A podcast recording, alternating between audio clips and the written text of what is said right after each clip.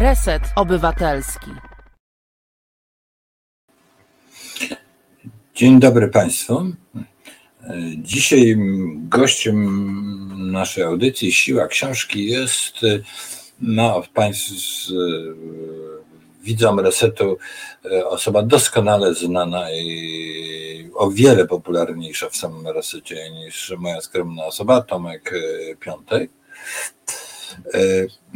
I tej audycji patronować będzie książka, którą żeśmy ustalili, że właściwie jest bardzo ważna, dlatego czym się Tomek zajmuje z taką intensywnością, a trochę mniejszą, a mianowicie Cmentarz w Pradze Umberto Eco.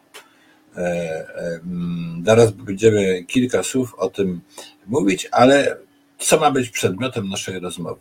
A mianowicie tak jak w zapowiedzi tej audycji, no, bez terminów typu e, wojna hybrydowa, fake news i tak dalej, trudno sobie w ogóle dzisiaj dać radę opisując sytuację międzynarodową. E, no to, co robi mm, e, e, na przykład mm, Putin w Ameryce, no, podkopanie demokracji amerykańskiej poprzez dosyć tajne i takie e, wpływy, etc., e, różne spiski. No, to jest wszystko ważne i nie można tego e, w żadnym wypadku lekceważyć. Ale mm, z drugiej strony jest tak, że mm, y, mamy takich, co wierzą w teorie spiskowe, na przykład antykowidowców, co wierzą, że to Bill Gates E, wszystko wykombinował, albo inne podobne, e, podobne spiski rządzą światem. No i to mówiąc kolokwialnie jest paranoja i ktoś, kto chce spiskami wyjaśniać sobie rzeczywistość międzynarodową, no na pewno do niczego nie dojdzie, ponieważ nawet w tym tkwi pewna sprzeczność. Te spiski mają być tajne, a czymś, o czym ja nie wiem, co to jest, to wyjaśniam świat. Chyba, że jestem tak niezwykle poinformowaną osobą, prawda? Ale na ogół ci od teorii spiskowej nie są tak dobrze poinformowani, tylko mają taki wytrych, żeby rzeczywistość rozumieć. No więc mm, zadzwoniłem do Tomka mm, i teraz siedzimy i się zastanawiamy nad tym, gdzie jest złoty środek. No, doskonale tutaj wybrałeś e, książkę, która jakby patronuje naszym dzisiejszym e, rozważaniom. E, Cmentarz w Pradze Umberto Eco to jest opowieść o e, spisku ludzi, którzy szerzą teorie spiskowe. Bo tak się składa, że trzeba wysiłku wielu osób, wysiłku nieraz mocno zakonspirowanego, a w każdym razie przemyślnego i przewrotnego, żeby dobrze rozpropagować jakąś teorię spiskową. Tak e, jest ze spiskowymi teoriami e, e, antyszczepionkowymi, tak było ze spiskowymi teoriami smoleńskimi i tak było z przywoływaną przez Umberto Eco antysemicką teorią spiskową ze słynnym tekstem znanym jako protokoły mędrców Syjonu, sfabrykowanym w Rosji, który później stał się taką Biblią wszystkich antysemitów świata. Też wiele osób się trudziło, żeby ten tekst był jak najszerzej znany i te osoby nie zawsze działały jawnie, więc też mieliśmy tutaj do czynienia z czymś w rodzaju spisku szerzącego teorie spiskowe. E, zatem, jeżeli spiskowcy chcą, żebyśmy wierzyli w teorie spiskowe, to to jest dobry powód, żeby w teorie spiskowe nie wierzyć. No właśnie, ale mm, mm ja, mm, Twoja twórczość twoje książki o Macierewiczu, Morawieckim e, i pewnym e, kapłanie z Torunia. No, kapu... dyrektorze, o pewnym dyrektorze tak, z Torunia. Tak. tak. One, mm, one często ty jesteś podejrzewany o to, że jesteś zwolennikiem teorii spiskowej. No, że usiłujesz, mm, że dostarczasz ogromną ilość wiadomości, który ludzie nie bardzo, przecież nie wiadomo skąd je masz, a z drugiej strony e, szalenie dużo objaśniasz. No i co tu dużo mówić, twoje książki, e, nie będę tobie przypisywał tego poglądu, ale są rozumiane, że krótko mówiąc śledzisz tę agenturę rosyjską w Polsce, prawda? E, w związku z tym Tomek Piątek usiłuje to, co się w Polsce dzieje, objaśniać z rosyjskim spiskiem. No to ja ci zadam pierwsze takie pytanie. E, czy ty, skąd ty masz tyle wiadomości? Ty, ty posłuchaj, współpracujesz z jakimiś ludźmi, spotykasz się po cmentarzach, Mhm. może jakiś Powązkowski albo Brudnowski, gdzieś ściągasz te informacje? Jak to jest? No, na to pytanie odpowiedź jest prosta, bo moje książki zawierają przypisy i ogromna większość informacji, które są zawarte w moich książkach, to są informacje, które każdy może sprawdzić, kiedy sobie zajrzy do takiego przypisu. Tam są nie tylko mm, sygnatury dokumentów, tytuły książek, tam są przede wszystkim podane adresy internetowe, dzięki którym każdy może w ciągu krótkiej chwili e, zapoznać się ze źródłem. To jest, e, to są, to są, to jest, to jest, można powiedzieć, e, jak ty to kiedyś nazwałeś, to jest biały wywiad, oparty na, w ogromnej większości na źródłach jawnych, chociaż często takich, do których trudno dotrzeć i czasem trzeba pogrzebać w dokumentach. Oczywiście nie wszystko jest w internecie, są księgi wieczyste, jest Krajowy Rejestr Sądowy, który tylko częściowo jest e, w internecie, jest Instytut Pamięci Narodowej, gdzie, e, gdzie spędzam dużo czasu, ale e, w takich przypadkach też podaję tytuły książek, sygnatury dokumentów, do których e, każdy prędzej czy później może dotrzeć, jeśli chce e, dogłębnie wszystko zweryfikować o czym, e, o czym, o czym piszę. Więc e, jeżeli ktoś tutaj e, sugeruje, że, że, że to są wiadomości nie wiadomo skąd, no to to jest raczej taka reakcja obronna. Osoby, która nie chce się ze źródłami zapoznać i chce po prostu szuka argumentów na rzecz tego, żeby książki nie przeczytać, nie zapoznać się z faktami, bo te fakty przeczuwa, mogą być dla niej niewygodne lub zbyt e, przerażające. To jest taka często reakcja strusia, który chowa głowę w piasek. No to jest reakcja psychologicznie zrozumiała i ja, ja rozumiem to. Rozumiem, dlaczego na przykład część ludzi starszych nie chce myśleć, że znowu Rosja ma wpływ na nasze życie w Polsce, no bo przejmuje ich to grozą. Pamiętają, jak to było, kiedy Polska oficjalnie należała do Imperium Kremla. E, Młodzi ludzie z kolei mają taką reakcję obronną, że nie chcę słuchać o Rosji, nie chcę słuchać o Kremlu, bo moja babcia mówiła o Rosji i o tym, jak to było za rosyjskich czasów. Nie chcę być jak moja babcia. To też potrafię zrozumieć, no ale nie da się wiecznie być takim strusiem. Polska e, jest w tej chwili wciągana znowu w orbitę wpływów Kremla. Przyczyniają się też do tego ludzie, którzy jeszcze parę lat temu krzyczeli, że e, nienawidzą Kremla, no ale to nie powinno nas dziwić. Takie e, maskarady, do takich maskarad nie potrzeba zresztą nawet spisków, one w polityce są dość częst, częstym, częstym zjawiskiem. Ja na pewno nie, mm, nie próbuję wyjaśniać wszystkiego, co się dzieje e, działaniem agentury rosyjskiej e, czy chińskiej, bo tą też się czasami zajmuje, bo to byłoby y, naiwne. My mamy w Polsce duże problemy wynikające z tego, że y, nie do końca przyswoiliśmy sobie wartości cywilizacji zachodniej, wynikające z tego, że mamy mm, dość duże nierówności społeczne. E, Często tu mowa nie tylko o nierównościach rozumianych pieniężnie, że są bogaci i biedni, to też są kwestie dostępu do edukacji, poczucia własnej godności.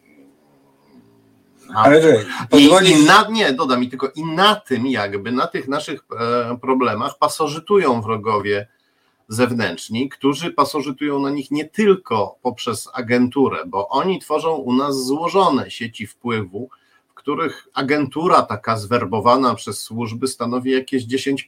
Natomiast reszta to są ludzie, których udało się biznesowo, politycznie e, uzależnić. Ludzi, którzy są de facto agentami wpływu w takim podstawowym znaczeniu słowa agent, czyli człowiek, który działa na czyjąś korzyść, ale nie są takimi agentami e, zwerbowanymi, nie są e, szpiegami, nie są funkcjonariuszami czy konfidentami obcych służb, aczkolwiek nieraz dla nich chcąc, nie chcąc, wiedząc, nie wiedząc, w jakiejś mierze pracują, nieraz w całkiem dużej mierze. Ale oddzielmy dwie rzeczy. E, w- tym, co mówiłeś. Ogromna ilość e, danych można zebrać i Twoje książki, Twoje przypisy są tego dowodem. No ale nawet jak się ma bardzo dużą ilość danych, to jest pytanie, no jak je ułożyć, taki puzzle, prawda? Czy takiego puzzla można ułożyć, czy nie? Prawda? Na co się to składa? Yy, większość z nas bombardowanych jest ogromną ilością informacji. Ktoś nawet może czegoś szukać w internecie, no ale to może pójść w różnym kierunku, może trafić na takie źródła, że to nie mm, Rosjanie nas podkopują, a to Amerykanie usiłują nam zabrać część gospodarki. Albo Niemcy, nie, Niemcy oczywiście zawsze, no, ale Oczywiście można by zebrać taką, jakieś, trafić na takie źródła informacji, e, komentarze i tak dalej, że ktoś coraz bardziej będzie w takiej bańce i się będzie przekonywał, że to Niemcy są najgroźniejsi, a nie Rosjanie, prawda? No to dzisiaj jest to możliwe. Więc to jest jeden aspekt. To znaczy, jak, jak jest układaniem tej, tego puzzla, mm. gdzie się zebrało dużo rzeczy. A druga rzecz, to żeś powiedział, to jest szersze. A powiedziałeś o ewentualnym jednak niedostatecznym wykształceniu i tak dalej, jakimiś deficytami e, najrozmaitszego typu, nazwijmy je ogólnie cywilizacyjnymi w, stosunku do Zachodu i zachodzącymi bardzo skomplikowanymi problemami procesami społecznymi, zwłaszcza dzisiaj, prawda? Bo to nie chodzi teraz tylko o Putina i tak dalej. No świat się w jakiś nieprawdopodobny sposób zmienia i nie bardzo wiemy w jakim, prawda? Niestety. E, no i teraz i, i to nie chodzi w tej chwili w dobrym czy złym, tylko po prostu coś się, czujemy, że coś się bardzo poważnego zmienia. No to na ile jest potrzebna do tego jakaś taka no, szersza wizja, e, koncepcja socjologiczna, E, koncepcja tych zmian, e, żeby osadzać teraz ten puzzle, który ty układasz, w jakimś może szerszym puzzlu jeszcze. Mm. No to jest pytanie bardzo dobre, bo ja to e, robię od prawie już od siedmiu lat i ten puzzle jest gigantyczny. Ja udało mi się ułożyć parę fragmentów tego, tego puzzla E, kiedy udaje mi się ułożyć większy fragment, to powstaje książka. Natomiast po tych 6-7 latach zacząłem nabierać takiego doświadczenia, w którym jest mi trochę łatwiej e, składać większe całości, bo pochlebiam sobie, że trochę lepiej rozumiem e, logikę tego puzla. Ale to jest oczywiście moment, w którym ja czuję, że ja trochę lepiej rozumiem logikę tego puzla. To jest moment niebezpieczny, ponieważ Rosjanie, mm, którzy są główną siłą starającą się w tej chwili tak oddziaływać na Polskę, no oni e, bardzo bacznie patrzą na to, jak my reagujemy na ich manipulacje, jak je, jak je analizujemy, i oni e, zawsze starają się być, jak to ty też powiedziałeś niedawno, dwa tygodnie do przodu przed nami, czasem nawet dwa miesiące e, do przodu, więc w momencie, w którym ja czuję, że już trochę panuję nad tym puzzlem, to jest ten moment, w którym powinienem się zastanowić i zapytać się, czy nie czekają mnie jakieś niespodzianki. I e, e, wracając do pierwszej części Twojego pytania, to, to jest trochę taka porada, może, którą moglibyśmy dać komuś, kto chce te, zacząć z nami lub samemu układać tego, ten, ten, układać ten puzzle, tę układankę. E, bardzo łatwo faktycznie jest znaleźć w sieci masę komentarzy, tak jak powiedziałeś, opinii. Poczytać sobie właśnie, że niszczą nas Żydzi, Niemcy, y, Bruksela i tak dalej, y, Bill Gates. No mamy takich, e, taki, takich rzeczy jest w internecie ogromna ilość. Dlatego ja proponuję, żeby na początek wymieść sobie z głowy wszystkie opinie, kiedy się zaczyna taką pracę i nie szukać opinii. Nie szukać opinii, nie szukać e, komentarzy, szukać faktów. I patrzeć na te fakty ta, trochę tak, jakbyśmy dopiero pierwszy raz byli w Polsce, nie znali za dobrze kraju, nie znali za dobrze tej całej otoczki e, propagandy, tradycji, e, nawyków myślowych, w których pewne rzeczy są nam podawane. I tak, żebyśmy tak sobie popatrzyli z boku, starając się być takim zdystansowanym zupełnie człowiekiem. No taki był mój początek, kiedy w 2015 roku zobaczyłem, że Antoni Macierewicz e, e, w swojej partii Ruch Katolicko-Narodowy w jej władzach do 2010 roku trzymał e, Roberta Jerzego Luśnie, wówczas już skompromitowanego całkowicie jako byłego konfidenta SB, płatnego konfidenta SB. To był początek. Jak to jest, że w 2002 roku Luśnia zostaje zdemaskowany, w 2007 e, Sąd Najwyższy po wielu instancjach ostatecznie potwierdza, że Luśnia był konfidentem SB, a jeszcze przez trzy lata Macierewicz trzyma tego człowieka we władzach swojej partii. To była i te, to był fakt, który się zupełnie nie zgadzał do wszystkiego, co wiedziałem do tej pory o Macierewiczu, jak się on przedstawiał, i to był punkt wyjścia. Trzeba szukać takich faktów, oczywiście pamiętając, że rzeczywistość nigdy nie jest stuprocentowo konsekwentna i czasem się zdarza, zdarzają się właśnie anomalie. Ktoś po prostu jest, powiedzmy, całe życie, mówiąc obrazowo, żółty, a w jakiejś sprawie okazuje się niebieski to może być przypadek, wyjątek i tak dalej. Ale kiedy takich wyjątków, jak w przypadku Macierewicza, zbierze się e, nie dwa, trzy, tylko dwadzieścia i takich e, panów e, luśniów wokół Macierewicza odkryjemy jest co najmniej piętnastu, no to wtedy znaczy, że zaczyna się nam ta układanka jakoś układać w jakiś sposób bardziej prawdziwy niż to, co do tej pory wiedzieliśmy, to, co nam mówiono, to, co Macierewicz mówił, mówił, mówił o sobie. I ja tutaj e, jeszcze raz podkreślę, że bardzo ważne jest, żeby opierać się na faktach, na potwierdzonych faktach.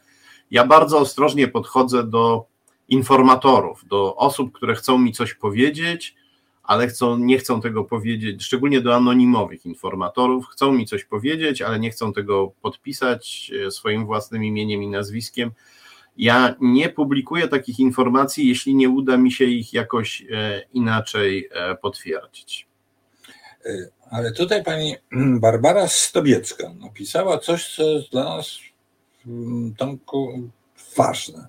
A mianowicie, mm, jak przestać uważać wszystkich za wrogów? Nasza polityka przy braku dyplomacji prowadzi nas na manowce. Czytam komentarz pani Stobieckiej. E, e, I mm, logika e, wymaga umniejszenia fobii antyrosyjskich, antyniemieckich, antyżydowskich. E, teraz nawet Państwo też widzą to na pasku, ten, ten komentarz, interesujący komentarz pani Stobieckiej. No właśnie, gdzie jest ta teraz równowaga? No traktujemy e, Putina jako no, ewidentnego agresora, wroga, kogoś groźnego, prawda? No, co sądzić o całości społeczeństwa rosyjskiego? No, bardzo skomplikowane. Jedni popierają tego Putina, inni mniej. Możemy mówić, że on no, tych ludzi okłamuje i tak dalej. Oczywiście antyrosyjska ksenofobia do niczego nie prowadzi. Tu pani Stobiecka ma absolutnie rację. Ale jak utrzymać tą, y, tą równowagę w spojrzeniu y, na, na wrogość, y, kooperacja, spisek, bo to jest jak gdyby no dosyć jak gdyby trudne. Utrzymanie tutaj równowaga, równowagi fobia jakakolwiek no jest rzeczą złą. Fobia to jest e, strach po grecku. No właśnie, czy ty nie masz fobii antymacierewiczowej? A nie, ja w tej nie? chwili ja o Macierewiczu w ogóle rzadko myślę, bo Macierewicz tak. to jest już temat, który odhaczony. Trochę. No bo na pewno cię to zarzucano nieraz. Nie, no ale ja się po prostu zająłem Macierewiczem bardzo dogłębnie, bo to bardzo ciekawa postać, jeśli chodzi o rosyjskie sieci wpływu w Polsce, jest to postać kluczowa. Napisałem dwie książki, no i poszedłem dalej, zająłem się Morawieckim, zająłem się Dudą, który tutaj jako człowiek powiązany z Chinami jest też ciekawym zjawiskiem. Nie, nie Duda jako osoba, bo to nie jest e, jakiś istotny działacz, natomiast e, pomijając jego rolę jako głowy państwa, on sam w sobie nie ma jakiegoś wielkiego potencjału politycznego, poza tym, że jest prezydentem, ale klan polityczno-biznesowy, jego rodzina, jej jej powiązania, doradcy Dudy, to jest ciekawy temat. Potem się zająłem Tadeuszem Rydzykiem. Fobii, fobii nie mam i raczej bym się wystrzegał fobii, bo fobia po polsku, po, po grecku to znaczy strach, po polsku to znaczy taki obsesyjny strach. Mm. Nie, i, a strach, szczególnie obsesyjny strach jest złym doradcą. Na, natomiast e, my musimy y, przyjąć do wiadomości coś, co jest nam często trudno przyjąć do wiadomości, że w momencie, w którym weszliśmy do Unii Europejskiej, to e, nie weszliśmy do błogosławionej strefy wolnej od konfliktów, wrogów, E, wewnątrz Unii są konflikty, no ale przede wszystkim Unia ma zewnętrznych wrogów, którzy chcą ją po prostu rozszarpać na części. Tu trudno użyć innego określenia. E, I musimy o tym wiedzieć. I potocznie mówimy, że tymi wrogami są Rosja i Chiny, ale to nie jest do końca właściwe stwierdzenie, bo naszym wrogiem nie jest, nie jest miliard Chińczyków, którzy cierpią i są wyzyskiwani przez swój reżim E, naszym wrogiem nie są też Rosjanie, którzy są pierwszymi głównymi ofiarami e, Kremla. My walczymy z Kremlem, który jest agresywny i który chce, chce rozbić Unię Europejską, chce rozbić Zachód, chce zniszczyć zachodnie wartości. I tu jakby no nie można na to zamykać oczu, mówić, że to fobia. No taka jest rzeczywistość. Ale trzeba pamiętać, że kiedy walczymy z Kremlem, to walczymy nie tylko o Zachód, nie tylko o Polskę, dla Kremla bardzo ważne jest bycie potężnym imperium mającym wpływy na całym świecie. To jest jakby argument, za pomocą którego Kreml zdobywa sobie serca Rosjan, mydli im oczy, oszukuje ich, pozyskuje ich, ponieważ w ten sposób dumę narodową Rosjan pompuje w taki chory sposób, bo Rosjanie mają inne, znacznie zdrowsze, lepsze powody do dumy, na przykład no, swoją kulturę, swoją naukę, to jest wielki, wielki naród, wielka cywilizacja. No ale Kreml chce zrobić z tej wielkiej cywilizacji wielkiego agresora, wielkiego imperium. Imperium agresywne, tak. I e, i my walcząc z Kremlem, także u nas w Polsce, również trochę w jakiejś mierze pomagamy tym e, umęczonym przez e, Kreml e, Rosjanom. Musimy przyjąć do wiadomości, że mamy wojnę. To nie jest taka wojna jak kiedyś, to jest wojna, jak to się mówi, hybrydowa. Można też wrócić do terminu zimna wojna, który trochę tutaj też jakoś opisuje to, z czym mamy do czynienia obecnie. Musimy to przyjąć do wiadomości. I, no i tu to, to jest coś, o czym ja często myślę. Jak, jaką postawę powinniśmy przyjąć? Bo my chcemy żyć na Zachodzie, bo Zachód to pokój, spokój, współpraca, dobrobyt, twórczość, rozwój, inteligencja, e, solidarność, same dobre rzeczy.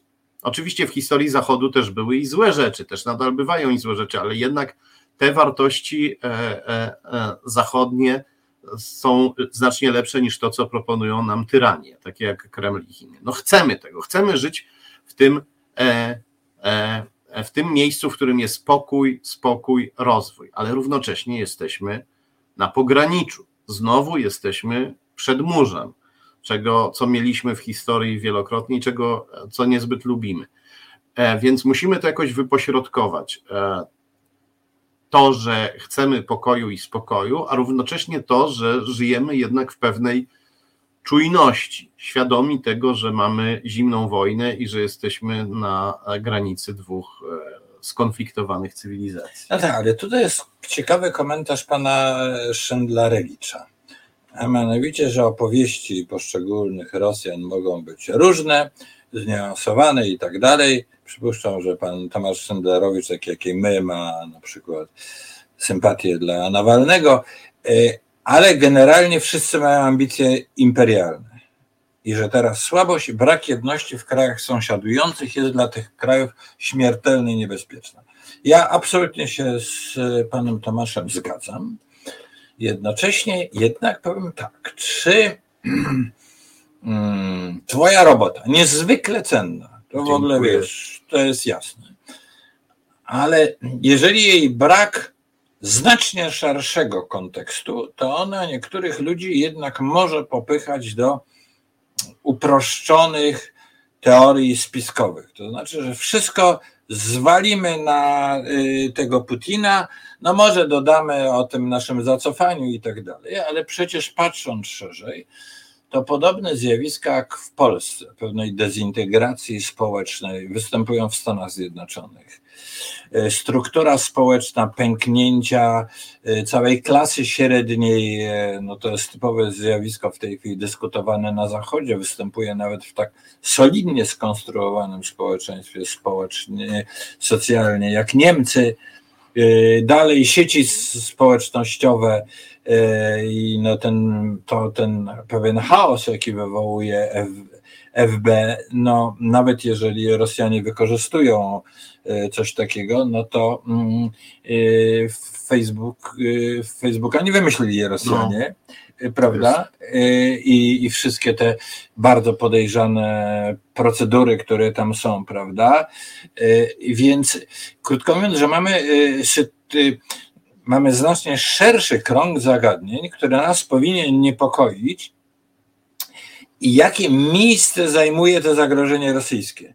Bo jak się skoncentrujemy tylko na nim, to możemy przypisywać Rosjanom pewne rzeczy, y, no, z pewną przesadą, znaczy w tym sensie z przesadą, że czynić ich genialniejszymi niż oni są y, do pewnego stopnia i groźniejszymi niż oni są, ponieważ wszystko, co się zwaliło na naszą cywilizację, to, będzie, to jest winny Putin. No niemal jak, jak w, tele, w TVP, kto jest winny Tusk, prawda? Tak, tak. Wina Putina. Tak, Wina tak. Putina, no. E, no to jest, to o czym mówisz, to jest daleko idące uproszczenie, niebezpieczne. E, my jako Zachód musimy e, leczyć się z naszych, z naszych schorzeń i powiem Ci, nie ma dnia, żebym nie myślał o tym, że Amerykę Rosji sprzedał amerykański obywatel cieszący się rozpasanym amerykańskim kapitalizmem, zgodnie z wartościami amerykańskimi, a nawet e, takimi z dzikiego zachodu.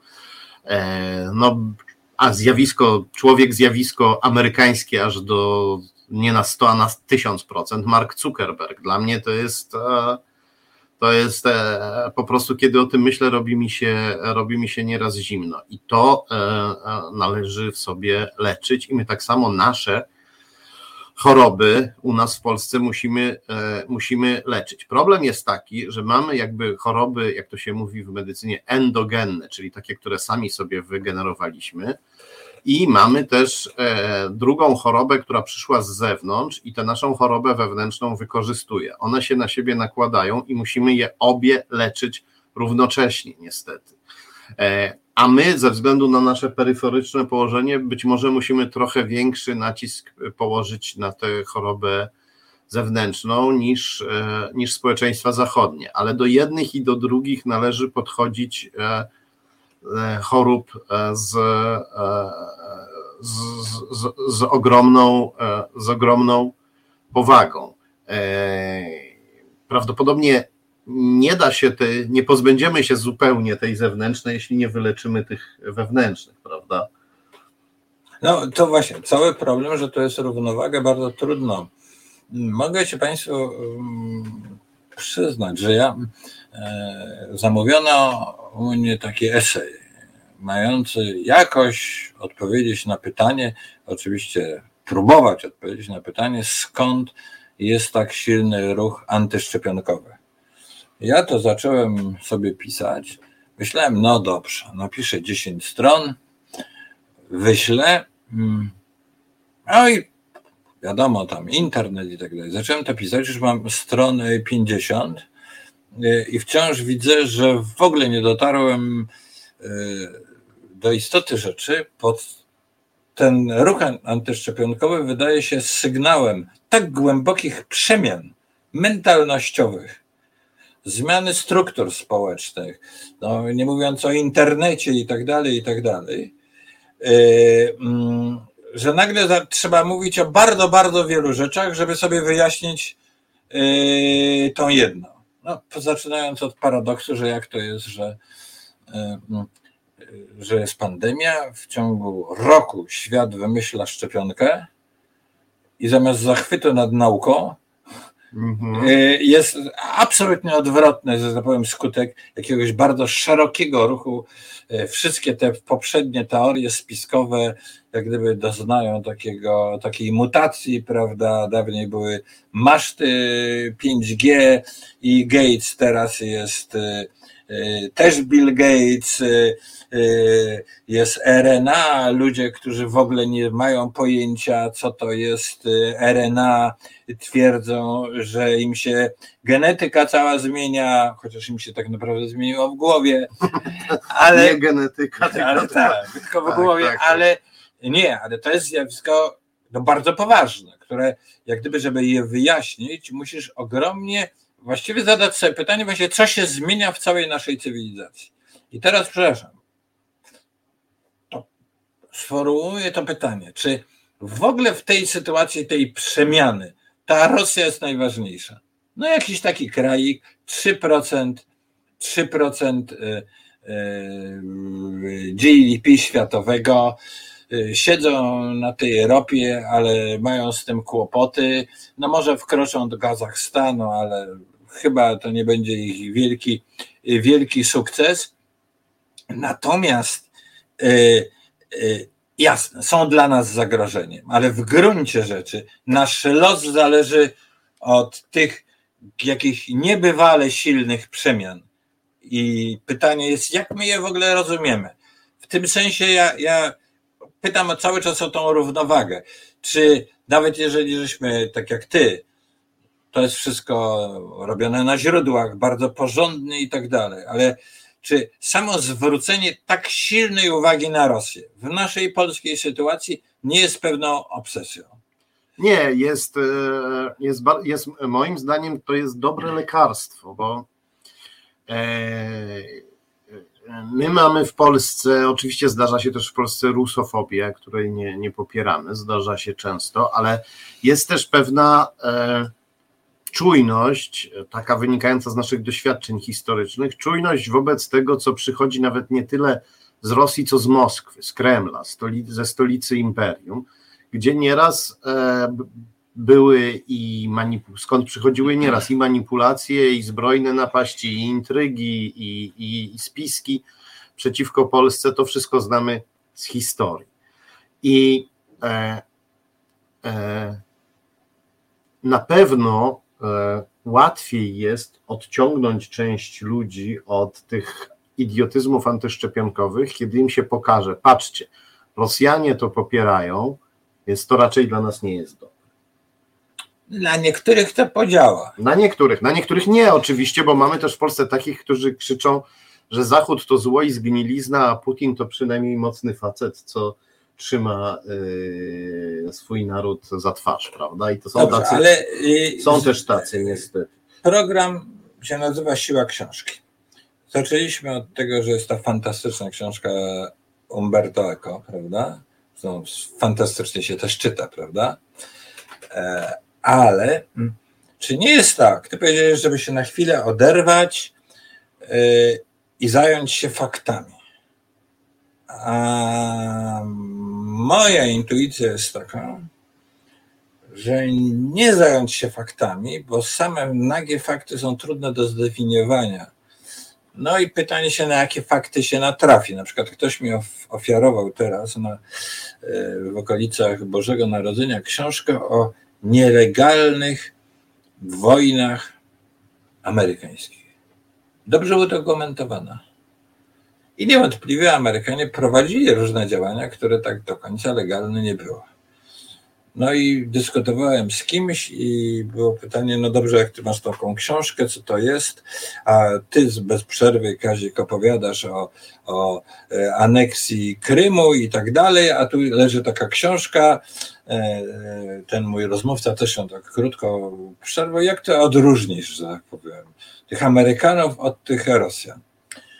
No moja odpowiedź jest tylko wtedy jedna, no jest ten znacznie szerszy kontekst jeżeli ja nie wiem, że, e, i, że Ameryka to jest demokracja i nawet jak prowadzą coś nielegalnego, to gdzieś to jest pod jakąś kontrolą, prawda?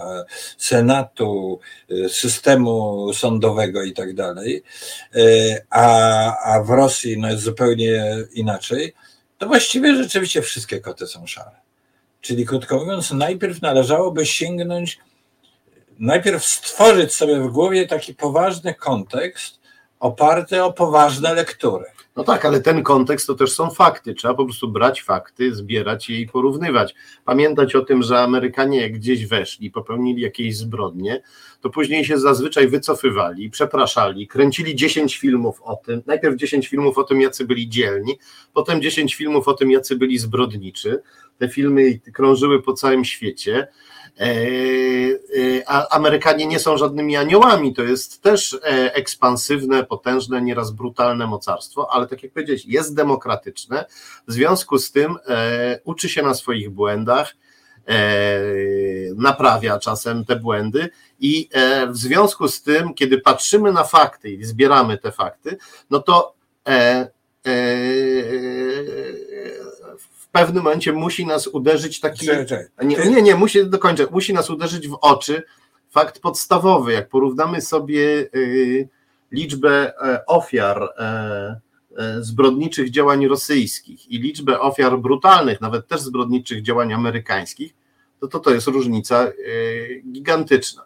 No i, i, i na koniec jeszcze taka, mm, taka zupełnie cyniczna może trochę, a na pewno taka realpolityczna, bardzo realistyczna obserwacja.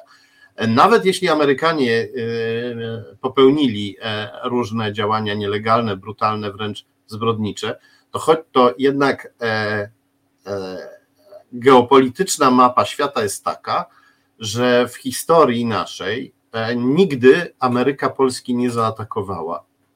Natomiast Rosja wielokrotnie nas zaatakowała, wielokrotnie mordowała naszych obywateli.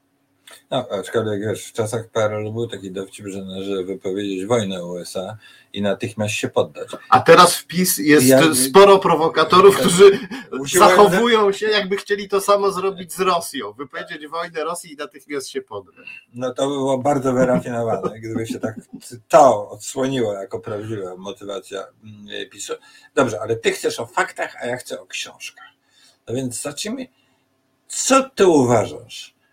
E, ludziom, którzy czytają ciebie, twoje książki. Już je reklamowałem, reklamowałem, chociaż reklamy nie potrzebuję. Dziękuję. Ale e, jakie książki ty byś radził z tego właśnie wysokiego pułapu kontekstu, żeby czytać te, te fakty, ten paz, y, y, tego puzzla o piętro niżej. Co ty by, jak, co, co rozumiesz przez o piętro niżej? No, ten, ten, no, czy piętro niżej, przepraszam, nie chciałbym nic w niczym obniżać wartości twojej nie, nie, książek, nie, nie, nie, ale tylko... chodzi mi o to, no tak dalece udokumentowane świetnie książki jak twoje, prawda, ale jednak, które się zajmują bardzo szczegółowymi y, zagadnieniami, a teraz co czytać, żeby można je na tym wyższym piętrze mm. teoretycznym jak gdyby interpretować w osadzić w pewnym, mm. że tak powiem, przemianach cywilizacyjnych. Dlaczego w ogóle te zjawiska y, tego typu y, agentury wpływu, fake newsów, fake newsów i tak dalej, w ogóle dlaczego one są możliwe, bo przecież to te zjawiska oczywiście jakoś zawsze występowały, ale nie w takim natężeniu i z mm. takim skutkiem, jaki są dzisiaj. Co ty, jakie książki ty byś, że tak powiem, tutaj radził? No jeśli chodzi o e, politykę, to polecam książkę Droga do niewolności Timothy Snydera. A jeśli chodzi o e, kwestie bardziej dotyczące psychologii społecznej, tego, co się z nami dzieje, z nami jako e, istotami postrzegającymi i myślącymi, to polecam książkę Płytki Umysł, która opisuje to, co zrobił nam, ona się tak pełen tytuł jest Płytki Umysł, co internet robi z naszym mózgiem o tym, jak e, internet e, utrudnia na przykład e, nam koncentrowanie się na, na niektórych zagadnieniach, poważne podchodzenie do, do spraw. My, no niestety, natłok informacji, które dostajemy w internecie sprawia, że my skaczemy z informacji na informację i na przykład w związku z tym łatwiej jest nam uwierzyć, że pięciu anonimowych trolli ma rację, kiedy mówią, że szczepionki są złe, niż kiedy mówi to na przykład w jednej książce czy w jednym artykule grono E, doktorów habilitowanych i profesorów, bo ta książka jest długa, skomplikowana i e, e, nie będzie chciało nam się jej przeczytać. Wolimy niestety poskakać po tym, co piszą, co piszą trolle. To są, to są bardzo, bardzo ważne książki i ja się z Tobą zgadzam, że mm, właśnie myślę o tej drugiej książce, o książce Płytki Umysł, no, spowodowała, że jakby wróciłem do, do, do, do spraw, o których ostatnio myślałem. Nie myślałem, że będziemy o takich rzeczach rozmawiać tutaj w tej, w tej rozmowie, ale to bardzo dobrze, że o tym rozmawiamy, bo kiedy mówisz o tym, że, e, że trzeba leczyć te choroby wewnętrzne, które mamy, prawda, że te zewnętrzne się przypętują, bo my mamy te wewnętrzne, e, że trzeba leczyć naszą cywilizację od środka, a nie tylko zwalczać tych, co ją atakują od zewnątrz. No to właśnie przychodzi mi na myśl e, książka e, Płytki Umysł i, mm, i, i e, przychodzi mi też na myśl książka Waltera Onga jeszcze z lat 60. To był e, brytyjski e, naukowiec i duchowny, który napisał e, książkę Orality and Literacy, co można przetłumaczyć jako e, kultura mówiona i kultura pisana, gdzie Walter Ong tłumaczy, jak bardzo ważne jest to, że czytamy książki, to, że czytamy książki i to, że w ogóle czytamy, to, że e, opieramy nasze myślenie na alfabecie, na komunikatach pisanych, powoduje, że e, traktujemy, że, że mamy inny stosunek do prawdy. Traktujemy prawdę jak rzecz świętą bo ludzie, którzy żyją w kulturze oralnej, mówionej albo audiowizualnej, czyli e, w tej, w której jesteśmy zanurzeni dzisiaj, to odruchowo myślą, że słowo jest czymś, co zostało powiedziane i znika. Jest po prostu rozbrzmiewa i cichnie, i już go nie ma. Natomiast słowo napisane zostaje ponieważ ten fakt fizyczny, jakim jest napisanie słowa na papierze czy wydrukowanie, to ten fakt trwa tak długo, jak długo trwa papier. Walter Ong uważa, że to całkowicie pojawienie się takiego słowa pisanego w naszym życiu całkowicie zmieniło nasze podejście do informacji. Zaczęliśmy traktować informacje jako nie coś przypadkowego, incydentalnego, co się pojawia, tylko jako coś, co ma trwać i w każdej sytuacji okazywać się prawdziwe. I w momencie, w którym my odstawiamy książki i przechodzimy właśnie na YouTube, na e, podcasty, to my ten stosunek do prawdy tracimy. Zaczyna się w nas, znaczy ten potok słów, które słyszymy i obrazków, które przepływają, wymywa w nas szacunek dla, dla, dla prawdy. Więc E, ja się z Tobą zgadzam, że my musimy leczyć nasze e, e, wewnętrzne choroby, ale pytanie, czy my jesteśmy na przykład gotowi na tak radykalną terapię, jak na przykład odcięcie dzieci do powiedzmy 12 roku życia albo 16 ustawowe, prawne, od materiałów audiowizualnych. I na mm. przykład nakazanie szkołom, rodzicom, żeby dawały dzieciom tylko książki po to, żeby w nich wykształcić tę mentalność, tę ten, tę mentalność, o której pisał Walter Ong, na której nasza cywilizacja się opiera. Byłbym skłonny odpowiedzieć, że tak, ale po dłuższym namyśle nie wiem, czy bym to utrzymał. Natomiast ja bym powiedział tak. Ja bardzo jestem wdzięczny, że to żeś powiedział, bo gdybym ja to mówił w programie, który się nazywa Siła Książki, to by wielu naszych widzów i miłych słuchaczy mogło powiedzieć, no co on właściwie, jak już, jak już prowadzi program z takim tytułem, to co on ma powiedzieć. E, e, ale ja porównuję czytanie książek do kontemplacji. Bo po pierwsze, jeżeli ja czytam książkę i to czytam książkę no, poważną, to mm, y, wymaga to, mm, y, po pierwsze jest to dłuższy czas. Książkę poważną czyta się 3-4 dni, no czasem jak jest ona trudna, to naprawdę tydzień. Ostatnio czytam takiego socjologa Rekwica, no to zajmuje powiem, muszę się wracać i tak dalej. E, no, e, to jest wtedy uczenie się przede wszystkim tego, że rozszyfrowuje się pewien no, pucel, który jest myślami, który ułożył ten ktoś inny. On jest skomplikowany. To musi długo trwać. To jest pewne ćwiczenie.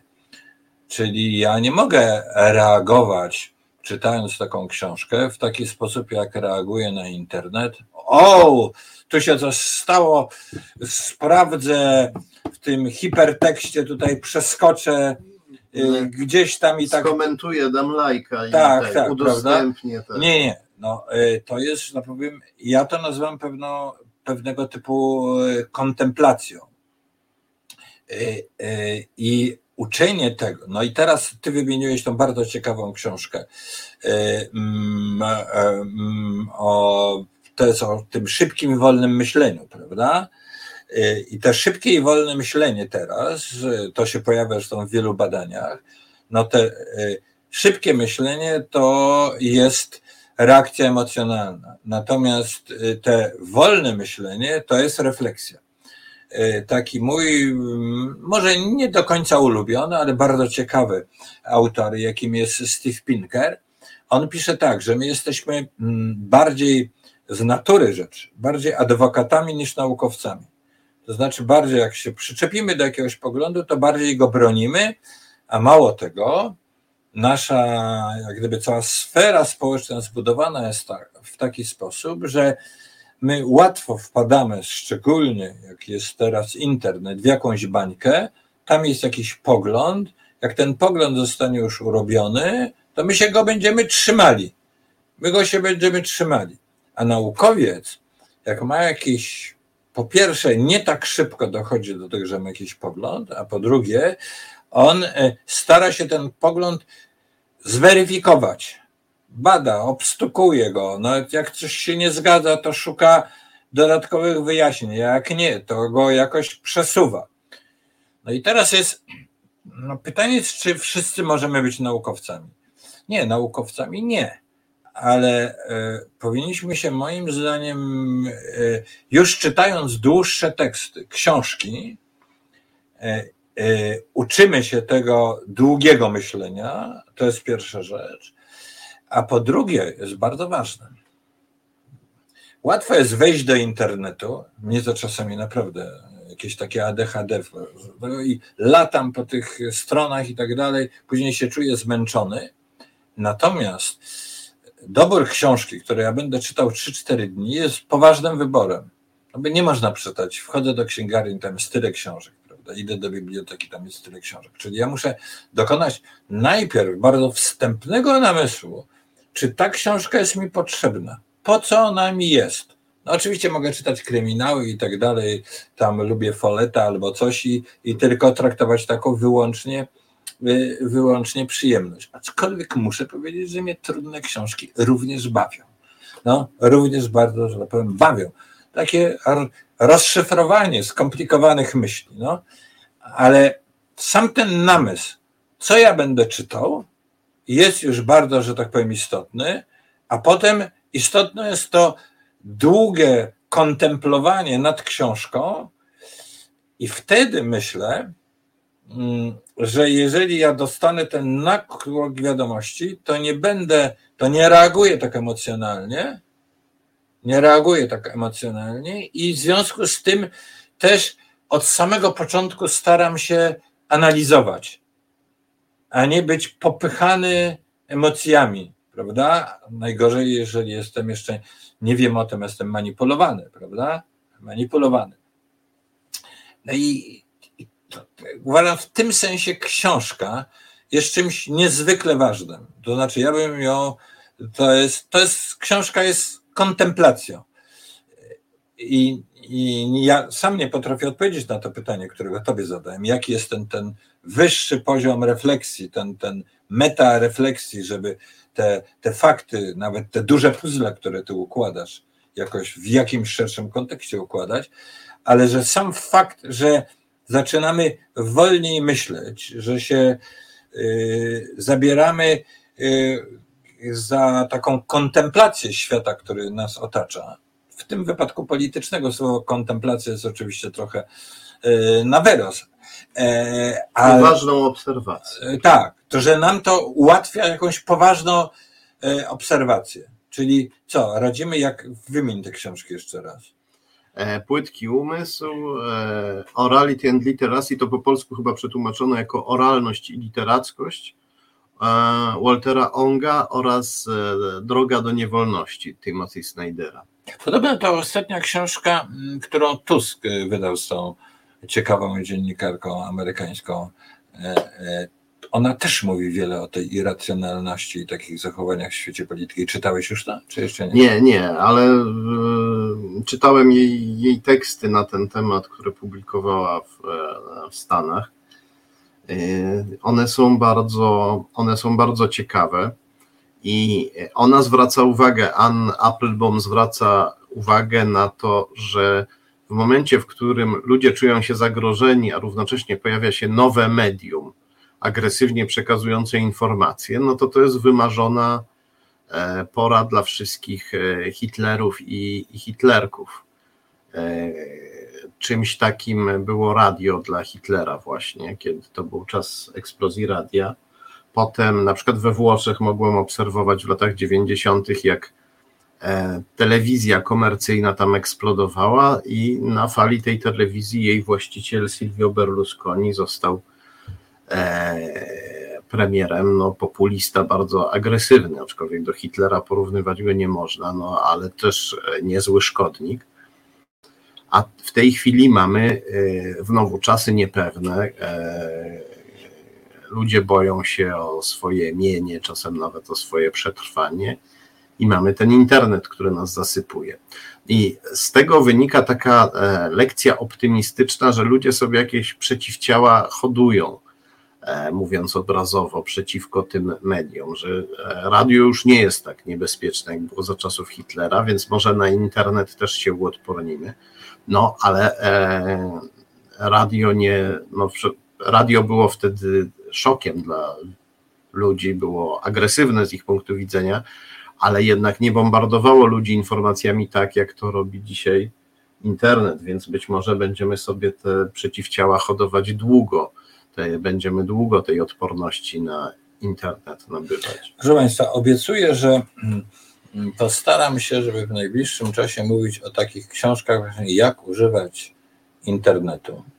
E, przeglądałem tutaj, bardzo Państwo są dzisiaj aktywni, niestety, niestety y, tych wszystkich y, nie mogę przywołać y, wypowiedzi, natomiast widzę jedno, bardzo ciekawą rzecz, że na samym początku ta audycja się rozpędzała nie dzięki Piątkowi, nie dzięki Wójcickiemu, ale dzięki Asiatorowi, E, który ma tyle przyjaciół wśród e, tutaj e, widzów, słuchaczy Resetu Obywatelskiego, że tam trwała bardzo burzliwa taka powitania i, i Asiator odpowiadał.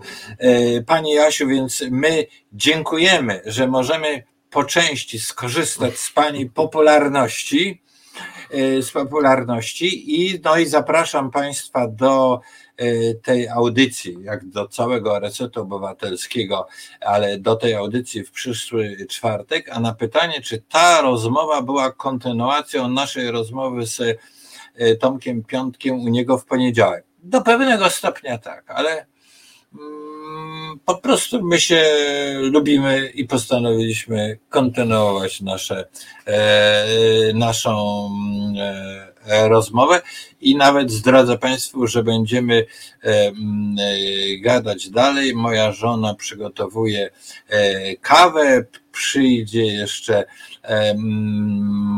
nasza koleżanka ukrainistka, która też zajmuje się kwestiami wojny hybrydowej i spędzimy miły wieczór rozmawiając o faktach i o książkach.